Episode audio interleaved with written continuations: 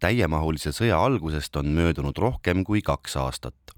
mäletatavasti saabus ka Eestisse hulga sõjapõgenikke. kuidas on kulgenud põgenike lõimumine Eesti ühiskonda, räägib Tallinna Ülikooli psühhosotsiaalse töö dotsent ja MTÜ Loovalt koos üks eestvedaja Mariann Märtsin. intervjuu tegi Indrek Ojamets. kuidas praegu Ukrainast Eestisse saabunud sõjapõgenikel läheb? Ma arvan, et läheb erinevalt, et, et noh, üks, mis ma arvan, seda seltskonda siin Eestis hästi iseloomustab, on selline muutlikkus või selle olukorra muutlikkus. et on neid, kes on tulnud ja jäänud ja kuidagi siin ennast leidnud. aga on ka neid, kes on nagu tulnud, tagasi läinud, siis jälle uuesti tulnud, et, et noh, ma arvan, et see on hästi selline dünaamiline kuidagi äh, olukord jätkuvalt nende jaoks, et äh,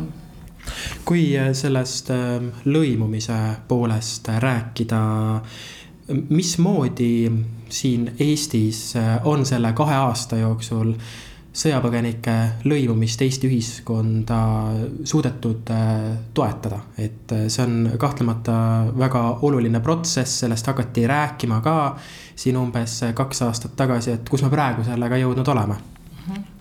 noh, ma arvan, et, ähm, et noh, kui vaadata, eks ju, võib-olla mingisuguseid selliseid ähm, ametlikke näitajaid, vaatame, ma ei tea, kui palju on äh, neid lapsi, kes on ikkagi koolidega seotud ja käivad kenasti Eesti koolis, et, et ma arvan, et siis äh, siin on need numbrid võib-olla mõne teise Euroopa riigiga võrreldes paremad. samamoodi võib-olla ka nagu tööhõive osas, eks. aga et äh, ma arvan, et see olukord on täna üsna teistsugune, kui ta oli kaks aastat tagasi. et, äh, et kui siis ikkagi olid fookuses sellised äh, noh, esmavajaduste rahuldamine, eks, et see, et kus ma leian endale töö, kuhu ma elama asun, kuhu kooli ma oma lapse panen. et siis ma arvan, et täna on see fookus ikka pigem sellisel võib-olla nagu noh, pikemaajalisel kohanemisel, pikemaajalistel äh, teemadel ka vaimse tervisega seonduvalt, ütleme äh, noh, võib-olla ka tööhõive mõttes, eks, et võib-olla mitmed inimesed on äh, jõudnud selle koha peale, et et need tööd, mis alguses tundusid, eks ju, atraktiivsed või, või tehtavad, et, täna võib-olla on, on, on nendest ka juba loobutud ja otsitakse võib-olla selliseid pikemaajalisi, püsivamaid äh, töökohti. ja noh, seal tuleb kindlasti selline noh, keeleõppe teema hästi tugevalt esile et, et on võib-olla ka nagu seda, seda tõdemust juba, et sellest esmasest äh, keeletasemest ikkagi ei piisa, eks, et selleks, et teha seda tööd, mida. mida ma päriselt pikaajaliselt teha tahan, on vaja natuke teist keeletaset, et, et ma arvan, et need et need teemad täna on, on natuke teised. ja noh, üks teema, milleks võib-olla nagu noh, mulle tundub, et Eesti ühiskond võib-olla peab ka nagu rohkem nagu kuidagi nagu äh, valmis olema või seda nagu mõtestama, on see, et äh,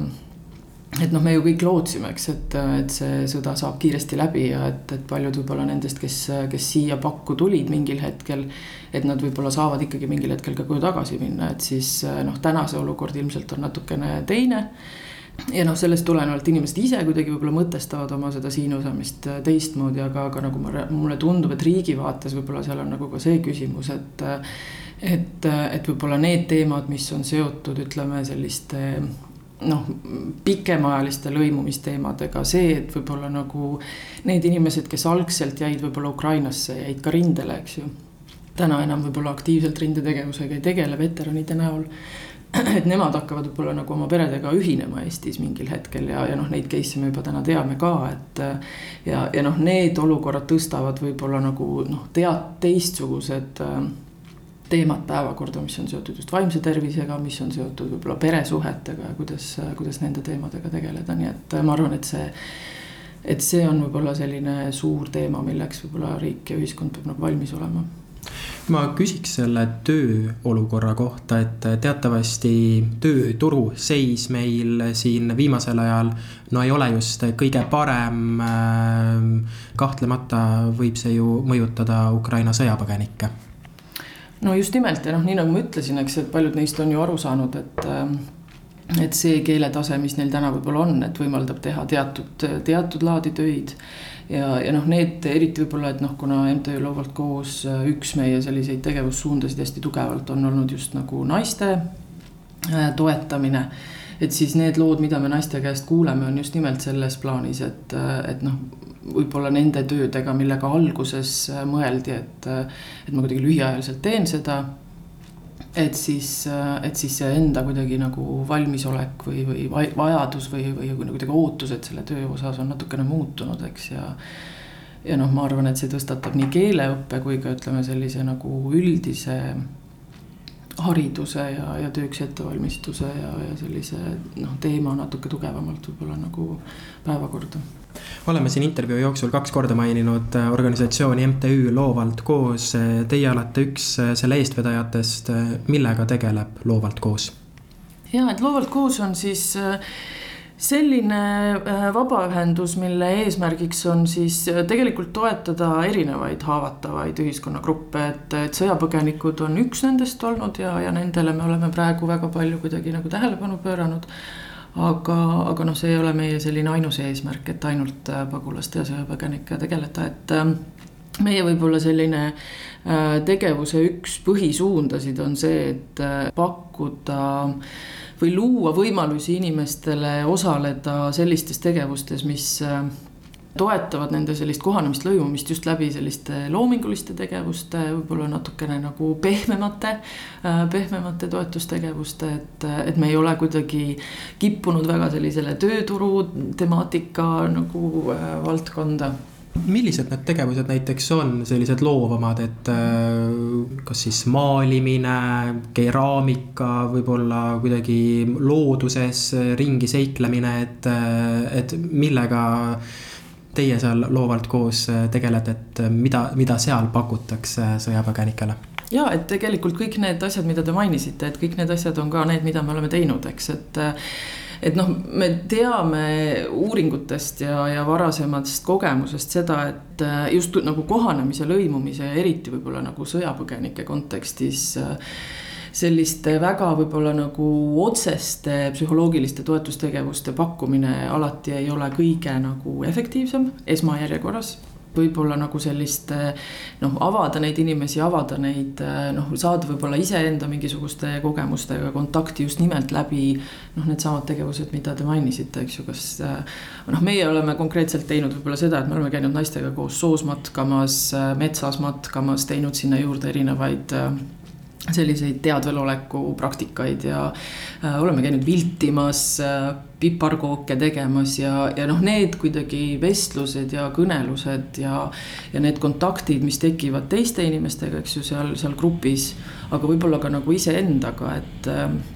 et need on natukene teist laadi ja võib-olla natukene annavad sellise teist laadi võimaluse noh, nende teemadega tegeleda, neid teemasid avada, eks ju, ja, kuidagi kontakti saada, et. et see on olnud üks meie selliseid äh, tegevuste põhisuundasid, et läbi just selliste. jah, loomingu, loovate tegevuste, loodusega kontaktis olemise, et sealtkaudu kuidagi seda tuge pakkuda kui äh, te olete aega veetnud sõjapõgenikega, kasvõi neid loovaid tegevusi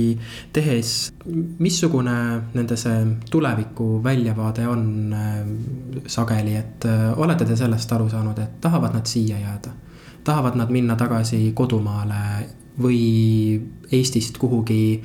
mujale teise riiki, mis ei ole Ukraina? noh, jälle, et see pilt, ma arvan, on hästi kirju et äh, et noh, need võib-olla naised, kellega meie oleme rohkem nende erinevate tegevuste raames kokku puutunud, et nemad on, on, on ka emad. ja, ja noh, ma arvan, et perede kontekstis see dünaamika on natuke teistsugune, et et ma mäletan nagu neid jutuajamisi just võib-olla nagu äh, selle, selle nagu sõja algusperioodis, kus äh, kus võib-olla lapsed olid need, eks ju, kes väga kuidagi igatsesid taga oma sõpru, kes võib-olla jäid kas Ukrainasse või. või, või põgenesid kuskile mujale Euroopa riikidesse vanemad või noh, naised olid need, kes kuidagi üritasid neid veenda, et ei, jääme Eestisse ja siin on hea ja ja, ja siin on sul, sul hea kuidagi nagu äh, oma elu uuesti alustada. et siis mulle tundub, et kohati võib-olla mõne koha peal on need äh, teemad natukene pöördunud. et, äh, et noh, lapsed kooli kaudu on ikkagi nagu üsna hästi sageli kohanenud leidnud siin endale uue nagu sotsiaalse võrgustiku ja. ja võib-olla täna on, on see vastupidi, eks, et lapsed ei taha enam kuhugi minna, sest neil on siin väga hea, et ja noh, emad on võib-olla pigem need, kes mõtlevad, et aga mis pikas perspektiivis saab, et et min-, mis minust saab, mis saab minu nagu töö tegemisest ja, ja kõigest sellest, eks. aga kas selline teadmatus soodustab seda lõimumist, et kui